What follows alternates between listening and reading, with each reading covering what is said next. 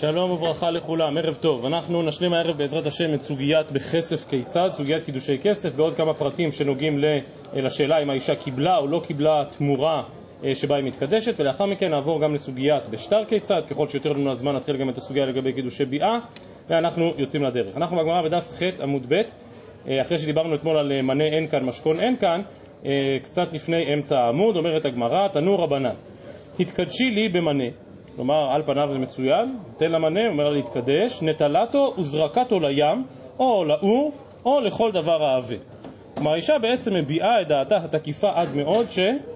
לא. שהיא לא רוצה. היא לא רוצה, היא לא מוכנה לקחת ממנו, כבר דיברנו ועוד נדבר שקידושין אינם בעל כורחה, קידושין הם רק בהסכמתה, וכאן היא בצורה הכי ברורה שיש לא רוצה להתקדש, ואכן אומרת הברייתא אינה מקודשת. שואלת הגמרא, רגע, אז כדי שהאישה באמת תפגין את זה שהיא לא רוצה להתגדש, היא צריכה לזרוק את זה לים או לאש? הא, שדתינו קמי, הבו קידושין? הכאמרא לי, שקיל, לא באינה. כלומר, למה צריך כל כך חריף? למה היא צריכה לזרוק את זה לים? אם היא לא רוצה להתקדש, במקום לזרוק את זה לים, חבל, קראנו השבת בתורה, בל תשחי. עדיף שתזרוק את זה אליו בחזרה ותגיד לו, לא רוצה. יש יותר ברור מזה? אז למה צריך לזרוק לים? אומרת הגמרא, לא מבעיה כאמה. לא מבעיה שדתינו קמי, כלומר אם באמת זורקת את זה אליו, דלא אהבו קידושין, זה באמת פשיטה, ברור שבמצב כזה לא אהבו קידושין, כי היא גילתה דעתה שהיא לא רוצה. אבל זרקתו לים או לאור, אימה, כיוון דמחייבה בהו, קדושי קדיש נפשה. כלומר, מחייבה בהו מה? מחייבה בהו דיני נזיקין. כלומר, את לא רוצה להתקדש, בבקשה, אבל אם ככה את לא לוקחת את המנה ואת זורקת אותו לים, ברור שבדיני נזיקין אנחנו נפסוק שהיא חייבת לפצות אותו. אם הייתה מתקדשת בזה, בסדר, אבל אם היא לא מתקדשת בזה, זה לא שלה, מה פתאום את זורקת את זה לים? זה אדם המזיק. ולכן, במצב כזה, אימה כיוון דמיחייבה בהו, כי היא מתחייבת פה בדיני ממונות, אז אולי בעצם היא התכוונה שזה כן שלה. קדוש של קדיש נפשה, היא כן התכוונה להתקדש. אם היא כן התכוונה להתקדש, אז למה היא זורקת את זה לים? והדקה עבדה אחי, סברה, איבד קי לאי גבנה, לאי גברא, ירתחנה הוא או לא. כלומר, אני באמת רוצה להתקדש, אבל כבר אני עושה לו טסט. מעניין, היא עושה את המבחן הזה, לפי האוקימתא הזאת, אחרי שהיא כבר התקדשה, כלומר, אבוד. וגם אם הוא כן גברא רתחנה, וגם אם הוא כן קצת אה, מתרגז, זה כבר אבוד, כי היא כבר התקדשה. טוב, מה עוד יתימה שבכל זאת היא זרקה את זה לים רק בסוג של מבחן, כמה שמלן שלא. כמה שמלן שאם היא זרקה את זה לים, ברור שכוונתה לא רוצה להתקדש, ולכן בין שזרקה אליו, בין שזרקה לים, במצב כזה היא אכן לא מקודשת. ממשיכה הגמרא תנו רבנן. התקדשי לי במנה, והיא אומרת, תנם לאבא ולאביך. עכשיו, כשקוראים את זה ככה, אז באמת זה קצת מבלבל. ולכן, סליחה על הביטוי, על הסלנג, בסדר? מה שהיא אומרת זה, תן את זה לאבא שלך. כשהיא אומרת ככה, מה הכוונה? מה הכוונה? לא רוצה. כאילו, תלך לחפש מישהו אחר, אבל לא אני. ככה צריך לקרוא את זה. דהיינו, הוא אומר לה, התקדשי לי במנה, והיא אומרת, תנם לאבא ולאביך.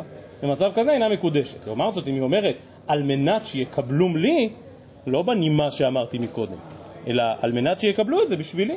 במצב כזה כמובן היא מקודשת, כי הם קיבלו את זה עבורה. מאירה הגמרא, תנא אבא להודיעך כוח דרישא, כלומר, שלכאורה אם היא אמרה לאבא שלך, אז היא מתכוונת לא להתקדש, אבל אם היא אומרת תן את זה לאבא שלי, לכאורה זה מועיל כקידושין. כמה שמלן שלא. כמה שמלן שאם היא לא אמרה בפירוש על מנת שיקבל בשבילי, אז אפילו אם זה אבא שלה היא אינה מקודשת. ותנא אז אם כן, אה, תנא אבא להודיעך כוחה דרישא, תנא אביך להודיעך כוח דסייפא. שאם היא אמרה על מנת שיקבל בשבילי, אז אפילו שזה אבא שלא, זה דבר קצת מוזר. אם אישה רוצה מישהו שיקבל עבורה קידושין, אז היא בוחרת את השוור שלה? את האבא של החתן? כן. אבל אם היא אמרה בפירוש על מנת שיקבלם לי, אז היא מקודשת. אה, תנא אבא להודיעך כוח דרישא, תנא אביך להודיעך כוח דסייפא. ממשיכה הברייתא ואומרת, התקדשי לי במנה תנם לפלוני אינה מקודשת, על מנת שיקבלם לי מקודשת. שזה מקרה מספר שלוש. יש לאבא, יש לאביך ויש למישהו אחר, לאדם זר, אבל גם כאן אותה חלוקה, שאם היא אומרת על מנת שיקבל בשבילי אז היא מקודשת, ואם לא, אז לא. אומרת הגמרא, הוא צריכה, די אשמינן אבא ואביך, התמוד היא אמרה על מנת שיקבלו בשבילי, במקרה של הסיפא, אז באמת הבו קידושין דסמכא דעתה עליי. סברה, עבדין לשליחותיי. כלומר, על אבא שלה היא ודאי סומכת, ואפילו על אבא של בעלה לעתיד גם עליו היא סומכת. אבל פלוני לא. והיא אשבועינן פלוני, שאם היא אמרה תנם לפלוני אינה מקודשת, הכא עוד היא אמרה תנם לפלוני לא אהבו קידושין, דלא מקרבה דעתה לגבי למי טבלי במתנה. אבל אבא ואביך דמקרבה דעתה לגביו, אימה במתנה יעביתוני עליו, ולכן הוא רוצה לקדש אותה, והיא אומרת תנם לאבא, תנם לאביך. אז במצב כזה, גם אם היא לא אמרה על מנת שיקבלו, אולי זה כן מועיל. כי נוח לה לפרנס את אבא שלה או לפרנס את חמיה. כמשמע לן, צריכה שגם זה לא מועיל. ולכן, בין באבא, בין באביך, בין באדם זר, אם היא אמרה בפירוש על מנת שיקבלו בשבילי, זה מועיל. אם היא אמרה סתם תנם למישהו אחר, אז ברור שכוונתה שהיא לא רוצה להתקדש. תנו רבנן, התקדשי לי במנה, תנם על גבי סלע, כלומר, היא אומרת, טוב, נו, תניח את זה כאן, אינה מקודשת. ואם היה סלע שלה, מקודשת. באי רב ביבי, סלע של שניהם מהו? ונשארת הגמרא בתיקו. אז מה פשר ההלכה הזו של קידושין על הסלע? אז אומר רש"י, פשוט, מזכיר לנו את גיטין מדין, מדין חצר. אם זה היה סלע שלה, אז היא מקודשת, כי היא קנתה את זה בקניין חצר. כמו שאישה יכולה לקבל את הקידושין במו ידיה, אגב, כמו שהיא יכולה לקבל גם את גיטה במו ידיה, ככה היא יכולה לקבל את הקידושין בחצר. והסלע הזה מועיל מדין חצר. תוספות חולקים על רש"י, כי התוספות אומרים, אילו זה היה מדין חצר, אז לא הבנתי את האיבעיה של הגמרא.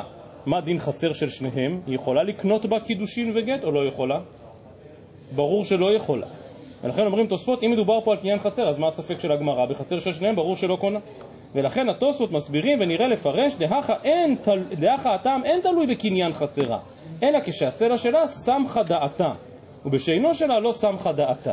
כלומר זה לא מדין קניין חצר, אלא באמת מדין סמיכות דעת. וזה יסוד חשוב בכל הסוגיות האלה שאנחנו רואים כאן, שבאמת ככל שהאישה סומכת דעתה שהיא קיבלה כאן משהו בעל ערך ובעל משמעות, הרי שהיא מקודשת. ואם לא, אז לא.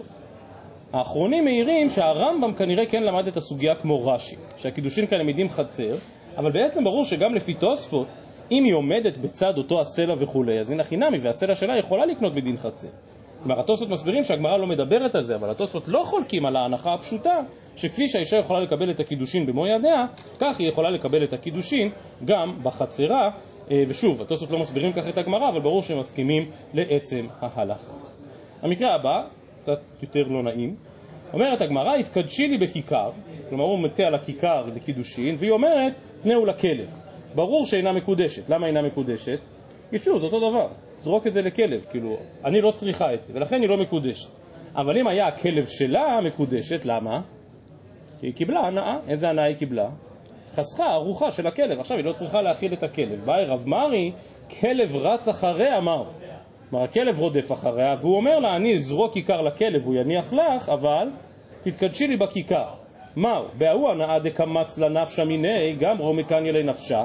כלומר, סוף כל סוף קיבלה כאן הנאה גדולה מאוד, היא ניצלה מן הכלב.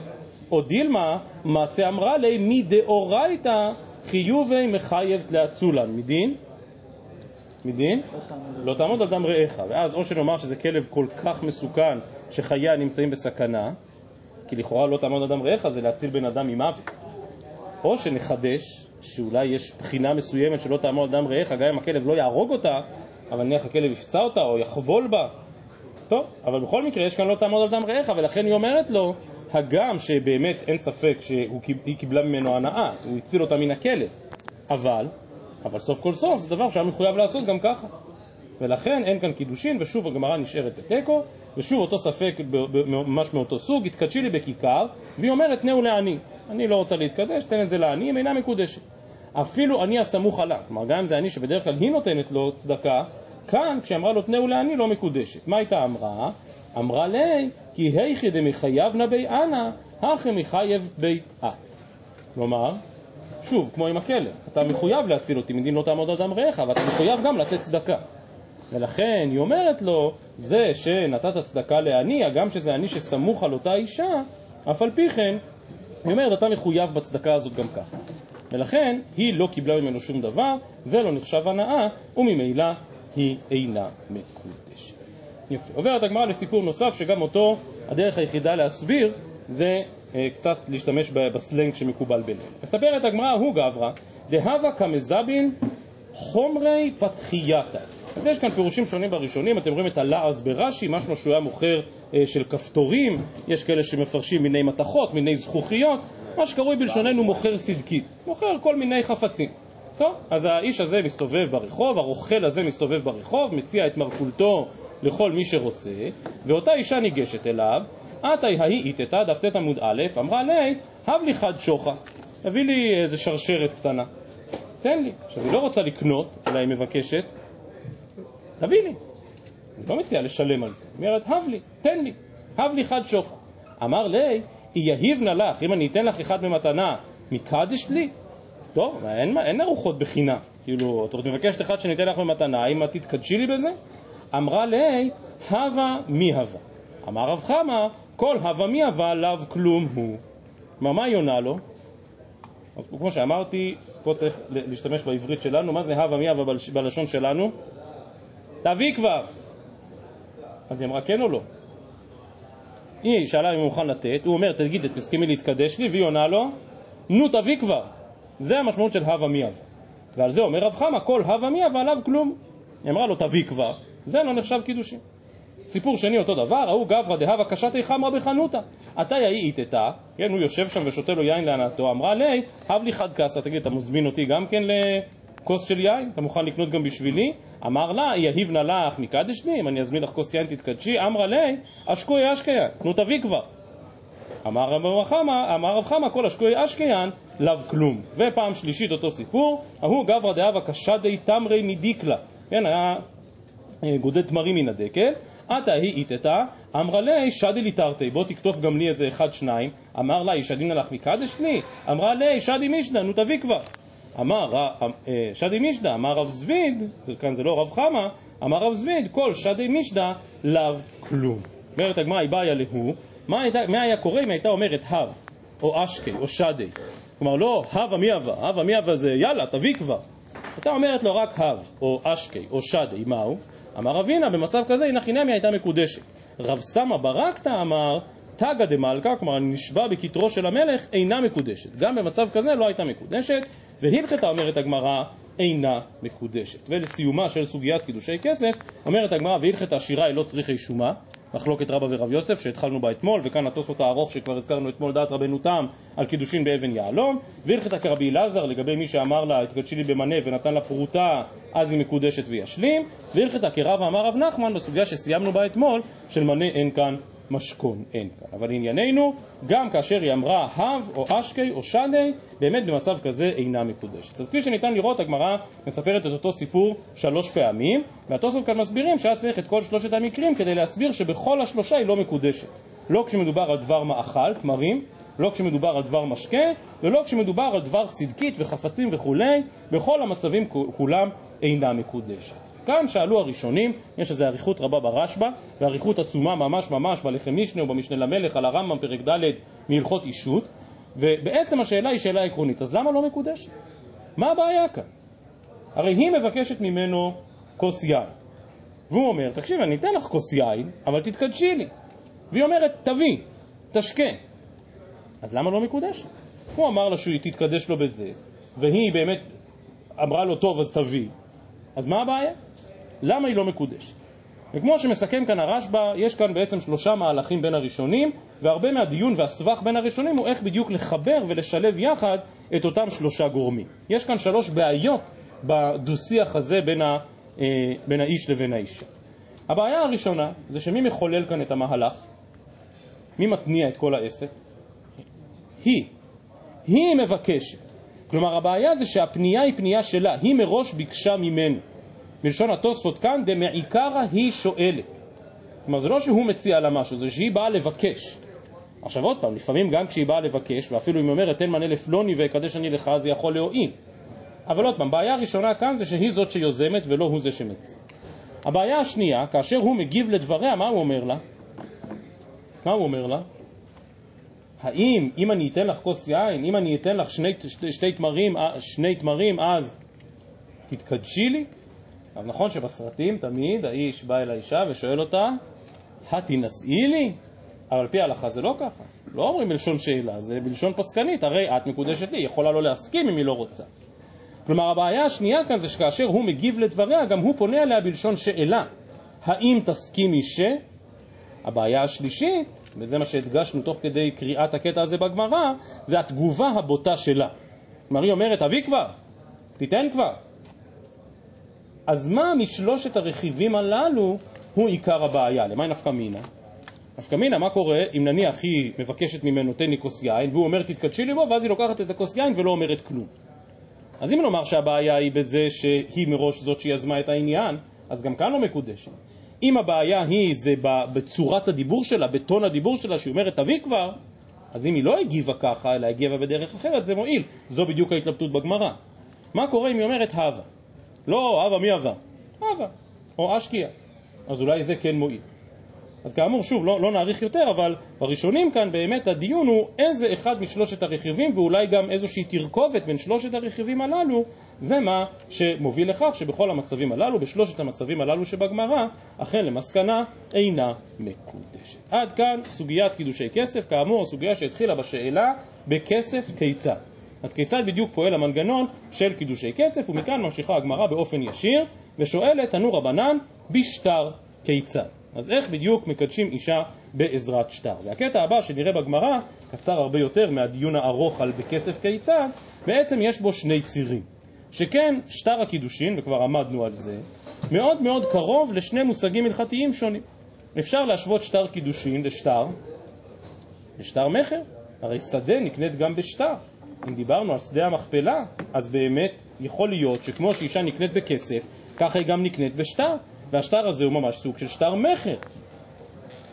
מצד אחד. מצד שני, כמובן, שטר הקידושין דומה מאוד לשטר הגט. כל המחשבה שלנו על קידושין בשטר ממילא מתקשרת לעובדה שאישה גם יוצאת ונפטרת מבעלה בעזרת גט. אז מהו בעצם שטר קידושין? האם שטר קידושין הוא יותר שטר מכר או יותר שטר מיוחד לאבן העזר כמו שטר גט? השאלה הזאת, החקירה הזאת, בעצם מרחפת כאן על הסוגיה כולה, כפי שנראה. ובכן אומרת הגמרא תנו רבנן בשטר כיצד? כתב לא, אז למה כתב לא? למי הוא אמור לכתוב את השטר?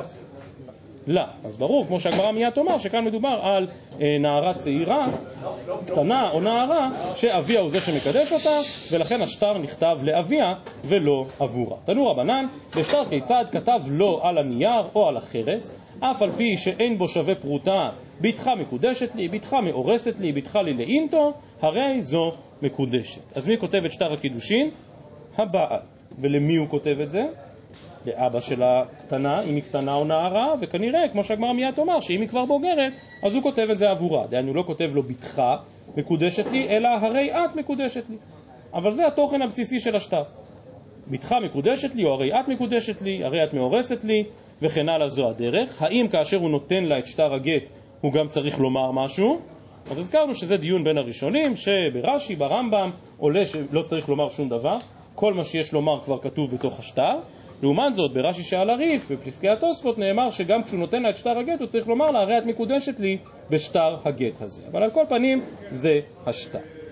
וכאמור, הגמרא תבחן אותו בשני היבטים. הגמרא תתחיל משטר מכר, ותמשיך לשטר גט. מה תקפלה רבי זרע בר ממל? הלא דמי היי שטרה לשטר זביני.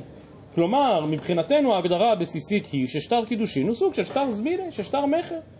האישה מוכרת את עצמה לבעלה.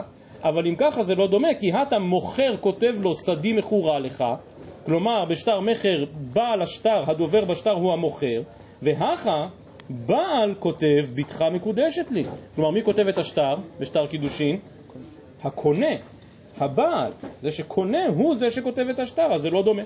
אמר רבא, נכון, אתה צודק, אבל אנחנו מתבססים על הפסוקים. הטה מעניין הדקרא והכה מעניין הדקרא. הטם כתיב ומכר מאחוזתו, אז במוכר תלה רחמנה. כאשר אדם מוכר קרקע, אז המוכר הוא הדובר בשטר. אבל הכה, בעניין קידושין, כתיב כי ייקח איש אישה, ולכן בבעל תלה רחמנה. הוא הלוקח. טוב, אבל צריך לשאול, אז מה פשר החילוק הזה? הבנתי, כך כתוב במקראות, אבל מה המשמעות של זה? למה באמת לא האישה המוכרת כביכול את עצמה היא זו שכותבת? שים את השאלה הזאת למחשבה, ננסה לחזור אליה עוד מעט. אבל על כל פנים הגמרא תולה את זה מעניין הדקרא ומעניין הדקרא. שואלת הגמרא, הטם, אה, נמי, כתיב שדות בכסף יקנו, זה כבר לא פסוק בתורה, זה פסוק בירמיהו, אבל גם כאן אתה רואה ששדות בכסף יקנו, משמע שמי כותב את השטר?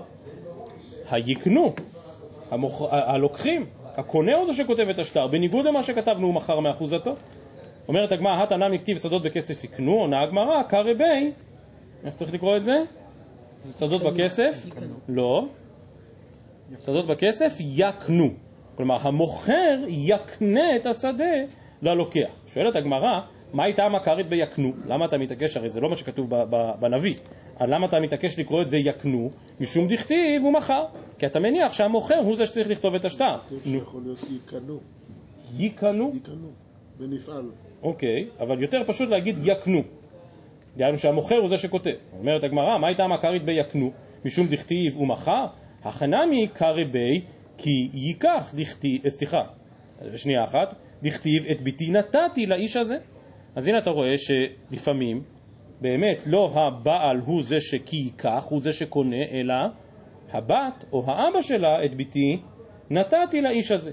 ואז איך צריך לפרש את כי ייקח איש אישה, לא כי ייקח, אלא, וזה באמת חידוש גדול, אם הזכרת את לשון נפעל, אז רש"י אומר, אומר רש"י משמע שאת המילה הזאת צריך לקרוא כי יקיח. כלומר, בוא נקרא כי יקיח, שהאבא בעצם הוא זה ש... לא יודע, לא מדויק לומר את זה בעברית, יקיח, כלומר, הוא זה שיקנה אותה. או במילים אחרות, את הפסוק, שדות בכסף יקנו, אתה חושב אה, אה, לפרש ככה או לפרש ככה, לאור ומחר מאחוזתו. אז גם את כי ייקח איש אני יכול לפרש ככה או ככה, לאור את ביתי נתתי לאיש הזה, משמע שהאישה או אביה הם אלה שמקנים. ולכן חוזרת בה הגמרא ואומרת, אלא אמר רבא, הלכת ענינו ואסמיכינו רבנן אקראי. פשט הגמרא, שזו הלכה למשה מסיני, שבשטר מכר הדובר הוא המוכר, ואילו בשטר קידושין הדובר הוא הקונה, כלומר הבעל, ואומר הרי את מקודשת לי, הרי את מאורסת לי וכולי. כך פשט הגמרא שההלכת ענינו מסביר את שניהם. אמנם התוספות כאן מאירים, תראו כאן את התוספות דף ט עמוד א', אומרים תוספות הלכת ענינו תימה, כיוון דהלכת ענינו, אם באמת זו הלכה למשה מסיני, שכך וכך צריך לכתוב את שטר הקידושין, כיוון דהלכת ענינו, למה לקרא דוויצאה והייתה שהאישה נקנית בשטר? ומיד נגיע לעניין הזה של ויצא והייתה. כלומר, אם יש הלכה למשה מסיני לשטר קידושין, אז אני לא צריך מקור אחר לשטר קידושין. אומרים תוספות, ויש לומר, דשטר מכר לחוד הא והלכתה. ושטר קידושין, כלומר עצם זה שיש שטר קידושין, זה לא הלכה למשה מסיני, זה נפקיק מכי ייקח, דבעל כותבו, ודמי למכר. ואף על גב דקאמר הלכת הנין הוא לשון רבים, לאו אתרבה יוקאי. כלומר אומרים התוספות, כל העניין של הלכת הנינו, זה בא רק להסביר שטר מכר. וזה חידוש גדול, שאם שטר מכר הוא הלכת הנינו, זה אומר ששטר מכר תקף מדאורייתא או מדרבנן? מדאורייתא, הלכת הנינו זה הלכה למשה מסיני. אה, יש דעות בראשונים, באחרונים, ששטרות רק מדרבנן, וכמובן נצטרך לחלק בין שטרי ראייה, שתקפים רק מדרבנן, לבין שטרי קניין, שתקפים מדאורייתא, זה לומדס גדול, ולא נוכל להעמיס את כולו על הנקודה הזאת. אבל כאמור, התוספות מבינים שההלכת הנינו מוסב דווקא על שטר מכר. לגבי שטר קידושין, פה לא צריך הלכתה, כי יש לנו מקורות מפורשים שהאישה אכן נקנית גם בשטר. ולכן, שוב, סוף דבר, השורה התחתונה היא שברור ששטר הקידושין שמקורותיו כנראה ויצא והייתה, או מקורות אחרים על תקפותו של שטר הקידושין, ממילא הם כוללים את זה שהדובר יהיה הבעל ולא האישה, והיא בהתאמה אומרת הגמרא, התמנה מכתיב ואקח את ספר המקנה. כלומר, אם כבר דיברת על ירמיהו, אז ירמיהו שם הוא באמת הקונה או המוכר? מה? יפה מאוד, ירמיהו הקונה, משמע שאם הוא אומר ואקח את ספר המקנה, אז אז זה אומר שמי שכתב את זה זה המוכר. המוכר כתב את ספר המקנה, חנמאל דודו, וירמיהו הוא הקונה, ולכן הוא צריך לקחת את ספר המקנה מידיו של המוכר. ואם כן, עוד פעם, יש לנו כאילו, בא הכתוב השלישי והכריע ביניהם, הפסוק הזה בירמיהו, שבאמת מלמד שהמוכר הוא זה שכותב את השטר. אגב, גם בחוזים היום, מי שפעם ראה חוזה מכר, שאיך, מה, מה, מוסא, בטח אתה זוכר, שקונים דירה, אז מה כתוב? הקונה מקנה בזה, המוכר מקנה בזה לקונה, והקונה קונה בזאת מן המוכר. כלומר, ככה כתוב היום בשטרות שעורך דין עושה, כדי באמת לצאת מן הספק. אבל ההלכה, המוכר הוא זה שמדבר, אה, בניגוד לשטר, הגט, אה, לשטר הקידושין, סליחה, שבו הדובר הוא הבעל. ממשיכה הגמרא, מסורת הש"ס כאן מתקנת, צריך להיות אמר רבא ולא לא ואמר רבא. אמר רבא אמר רב נחמן, כתב לו על הנייר או על החרס, אף על פי שאין בו שווה פרוטה. בתך מקודשת לי, בתך מאורסת לי, בתך לי לאינטו, בין על ידי אביה, בין על ידי עצמה, מקודשת מדעתו. כלומר, צריך את הסכמתו של, הבא, של האבא, והוא כמובן שלא בגרה, כי כל עוד היא לא בגרה היא ברשות האבא והוא זה שמקדש אותה. לעומת זאת, כתב לה על הנייר או על החרס, אף על פי שאין בו שווה פרוטה, הרי את מקודשת לי, הרי את לי, לאינטו, הרי את מאורסת לי, מקודשת בין על ידי אביה, בין על ידי עצמה, מדעתה, והוא שבגרה. כלומר, כל עוד היא ברשות אביה, אז השטר יהיה לאביה, מרגע שהיא בוגרת, אז השטר יהיה לעצמה. לגבי כתיבה של שטר על החרס, אז התוספות כאן מעריכים שבדרך כלל יש בעיה לכתוב על חרס בגלל אה, כתב שיכול להזדייף, והתוספות מסבירים למה את השטר הזה בכל זאת אפשר לכתוב על חרס. ועוד הערה מעניינת של התוספות כאן, זה למה הגמרא מדגישה פעמיים שכתב אותו אפילו על משהו שאין בו שווה פרוטה. כלומר, התוספות שואלים, מה החידוש? פשיטא, למה בכלל שהייתי חושב שיש איזושהי בעיה או מגבלה ולמה צריך שדווקא יהיה פרוטה? אז התוספות מסבירים שלגבי שטר קידושין זה מובן, כי אם מדובר על שטר קידושין שיש בו שווה פרוטה, אז, אז, אז שיקדש אותה כבר בפרוטה הזאת, בקידושי כסף. למה הוא צריך שטר? ולגבי מכר התוספות אומרים, אולי באמת הייתי חושב שאדרבה, כדי ששטר מכר יהיה שטר בעל תוקף, אז צריך איזושהי נתינת שטר בעלת משמעות, ולכן דווקא פרוטה. ולכן כמשמע לן שאכן גם אם יש בזה פחות משווה פרוטה, הרי שעדיין הדבר קשה. כאמור, עד, עד עכשיו התמקדנו בעיקר בהשוואה שבין שטר הקידושין לבין שטר המכר. עכשיו עוברת הגמרא לצד השני של המטבע. בא רבי שמעון בן לקיש, שטר אירוסין שכתבו שלא לשמה. רגע, רגע, רגע. בשטר מכר מעולם לא שמענו ולא ראינו, וזה לא יעלה על הדעת בכלל שצריך כתיבה לשמה. מאיפה בכלל בא לנו הרעיון הזה של כתיבה לשמה? כמובן, כמובן מגט.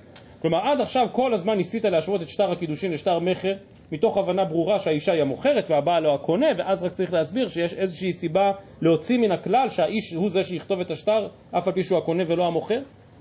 פתאום באה הגמרא עכשיו ואומרת, מה פתאום? שטר קידושין זה לא הלכה בהלכות שטרות בחושן משפט. שטר קידושין זה הלכה בהלכות אבן העזר, זה כמו שטר גט. ולכן אומר יש לקיש, שטר אירוסין שכתבו לי לשמה, מהו? הוויות ליציאות מקשינה. מה יציאה, תת עמוד ב' בעינן לשמה, אף הוויה בעינן לשמה, כלומר ברור שצריך לכתוב את שטר הקידושין לשמה. או דילמה, הוויות להדדי מקשינה. כלומר, אדרבה, תשווה דווקא את שטר הקידושין לקידושי כסף. מה הוויה דכסף לא בעינן לשמה? כי זה מופרך, איזה לשמה שייך בכסף? אז רש"י כאן זה כל כך דחוק, רש"י כאן אומר שתהא צורת הדינר תבואה לשמה. כן, כאילו הייתה הווה אמינא שמה? שמטבע שבעל מקדש בו את האישה צריך מראש שייצרו אותו לשם אותה אישה. פלא נפלא, כלומר ברור שלא צריך לשמוע בקידושי כסף, ולכן לא מקישים גט לקידושין, אלא הפוך, מקישים הוויות להדדי, את דרכי הקידושין השונות. או דילמה הוויות להדדי מקשינן, מה הוויה דכסף לא באינן לשמה, אף הוויה דשטר לא באינן לשמה. בתר דבעיה הדר פשטה, אומר יש לקיש, הוויה ליציאה מקשינן, דאמר קרא ויצאה והייתה. עכשיו הדבר הזה לא לגמרי פשוט, כי עוד בהמשך המסכת יבוא ריש לקיש וירצה להרחיב עוד יותר את ההלכות הללו של ויצא והייתה, והגמרא תאמר עליו שהוא צבח ככרוכיה ויצא והייתה ולא השגיחו בו. כלומר, שמצד אחד עניין לשמה כן, אנחנו מקבלים את זה ששטר קידושין צריך להיות נכתב לשמה, מצד שני עדיין ההשוואה וההקבלה לא חייבת להיות מלאה. ובאמת אומרת הגמרא, איתמר, כתבו לשמה ושלא מדעתה. כלומר, הוא כן כתב את הגט לשם אותו איש ולשם אותה אישה, אבל הוא לא ביקש מהאישה רשות קודם. רבא ורבינה אמרי מקודשת, מה הבעיה? רב פאפא ורב שרביה אמרי אינה מקודשת. אמר רב פאפא, האם אתה המדיד הוא ואם אתה המדידי. האם אתה המדיד הוא דכתיב ויצא והייתה, מקיש הוויה ליציאה. מה יציאה? שטר גט, הוא באמת צריך להיות כתוב לשם האישה, אבל שלא מדעתה, הבעל צריך לקבל את הסכמת האישה כדי לכתוב גט? לא. מה יציאה לשמה ושלא מדעתה? אף הוויה נמי לשמה ושלא מדעתה. כי שטר קידושין הוא בעצם תעתיק של שטר גט. וכל דבר שנכון בשטר גט, עצם דין לשמה, ממילא יהיה נכון גם בשטר הקידושין.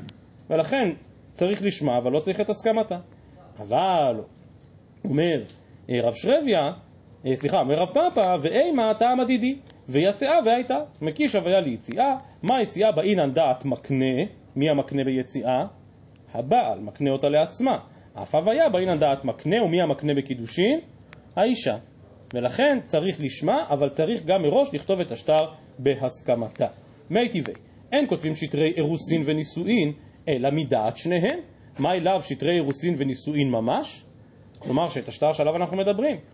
מאוד קשה להבין כאן בגמרא מה זה שטר נישואין, אין דבר כזה שטר נישואין, אבל ענייננו, הגמרא אומרת שטר אירוסין זה שטר קידושין. והנה אתה רואה שצריך מדעת שניהם. דוחה הגמרא ואומרת לו, פה מדובר על שטרי פסיקתא. על איזה שהם הסכמים ממוניים בין הבעל לאישה, בין, של הבא, בין אביו של הבעל לאביה של האישה, וכדי רב גידל אמר רב, דאמר רב גידל אמר רב, כמה אתה נותן לבנך כך וכך, לבתך כך וכך, עמדו וקידשו, קנו, והן הן הדברים הנקנים באמירה. כלומר, כאשר עשו מה שקראו אצלנו תנועים, עוד לפני האירוסין, לפני הקידושין, הסכימו שהוא ייתן כך וכך, ואבא שלה ייתן כך וכך וכולי וכולי, דבר כזה נקנה באמירה בלבד, אלא שכאשר אתה בא להעלות אותו על הכתב, את אותן הסכמות שהם עשו ביניהם, אז באמת צריך שאת השטר הזה נכתוב מדעת שניהם. אבל כאשר מדובר על שטר קידושין רגיל, את השטר הזה באמת אין צורך לכתוב מדעת שניהם. כאמור, מה שמשתקף כאן בכל הדיון שראינו בגמרא, ובזה נסיים, זו באמת אותה שאלה עקרונית על התפיסה של שטר קידושין. מהו בעצם שטר קידושין? האם הוא שטר מכר, או שהוא יותר דומה לגט. אומרים לו הרב ליכטנשטיין, כשלמדנו קידושין, נתן איזה שיעור כללי שלם, וזה מה ששלחתי אליכם מקודם, מי שרוצה להרחיב יותר, כאשר בעצם הרב שם ניסה אה, בניתוח מאוד מעמיק לבוא ולבחון סדרה שלמה של הלכות שמצאנו בשטר הגט, ולראות מה מהן רלוונטית לשטר הקידושין. אז בגמרא מפורש רק הדיון על אבל מי שיראה שם בשיעור, יש עוד הרבה הרבה נושאים והרבה הרבה הלכות שאפשר לבחון. אה, אתן רק כדוגמה אחת, וזאת שאלה גדולה, אז כשלמדנו קידושין בישיבה היו שני שיעורים כלליים רק על הסוגיה הזאת, אחד של הרב ליכטנשטיין ועוד אחד של הרב מדן, שהוקדש, אחרי שאנחנו כבר בוגרי מסכת גיטין, אחת המחלוקות הכי יסודיות, חורזת את כל מחלקת מסכת גיטין, היא ידי חתימה וידי מסירה, מחלוקת רבי מאיר ורבי אלעזר. האם אותה מחלוקת קיימת גם בשטר קידושין? או שבשטר קידושין צריך דווקא, אבל זה כבר שאלה ללמדנים, בשטר קידושין אולי נאמר שצריך דווקא ידי חתימה, כי הוא יותר דומה למה? בשטר מכר, בשטר מכר ודאי צריך ידי חתימה. או שתאמר אדרבה, שאולי בקידושין מספיק רק ידי מסירה, למה?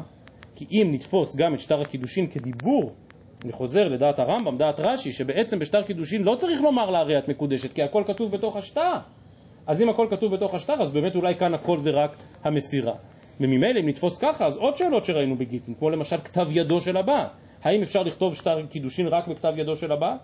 אז אם נאמר שהוא יותר שטר של אבן העזר, בטח, זו אמירה ישירה, מפורשת ממנו אליה, שהרי את מקודשת לי.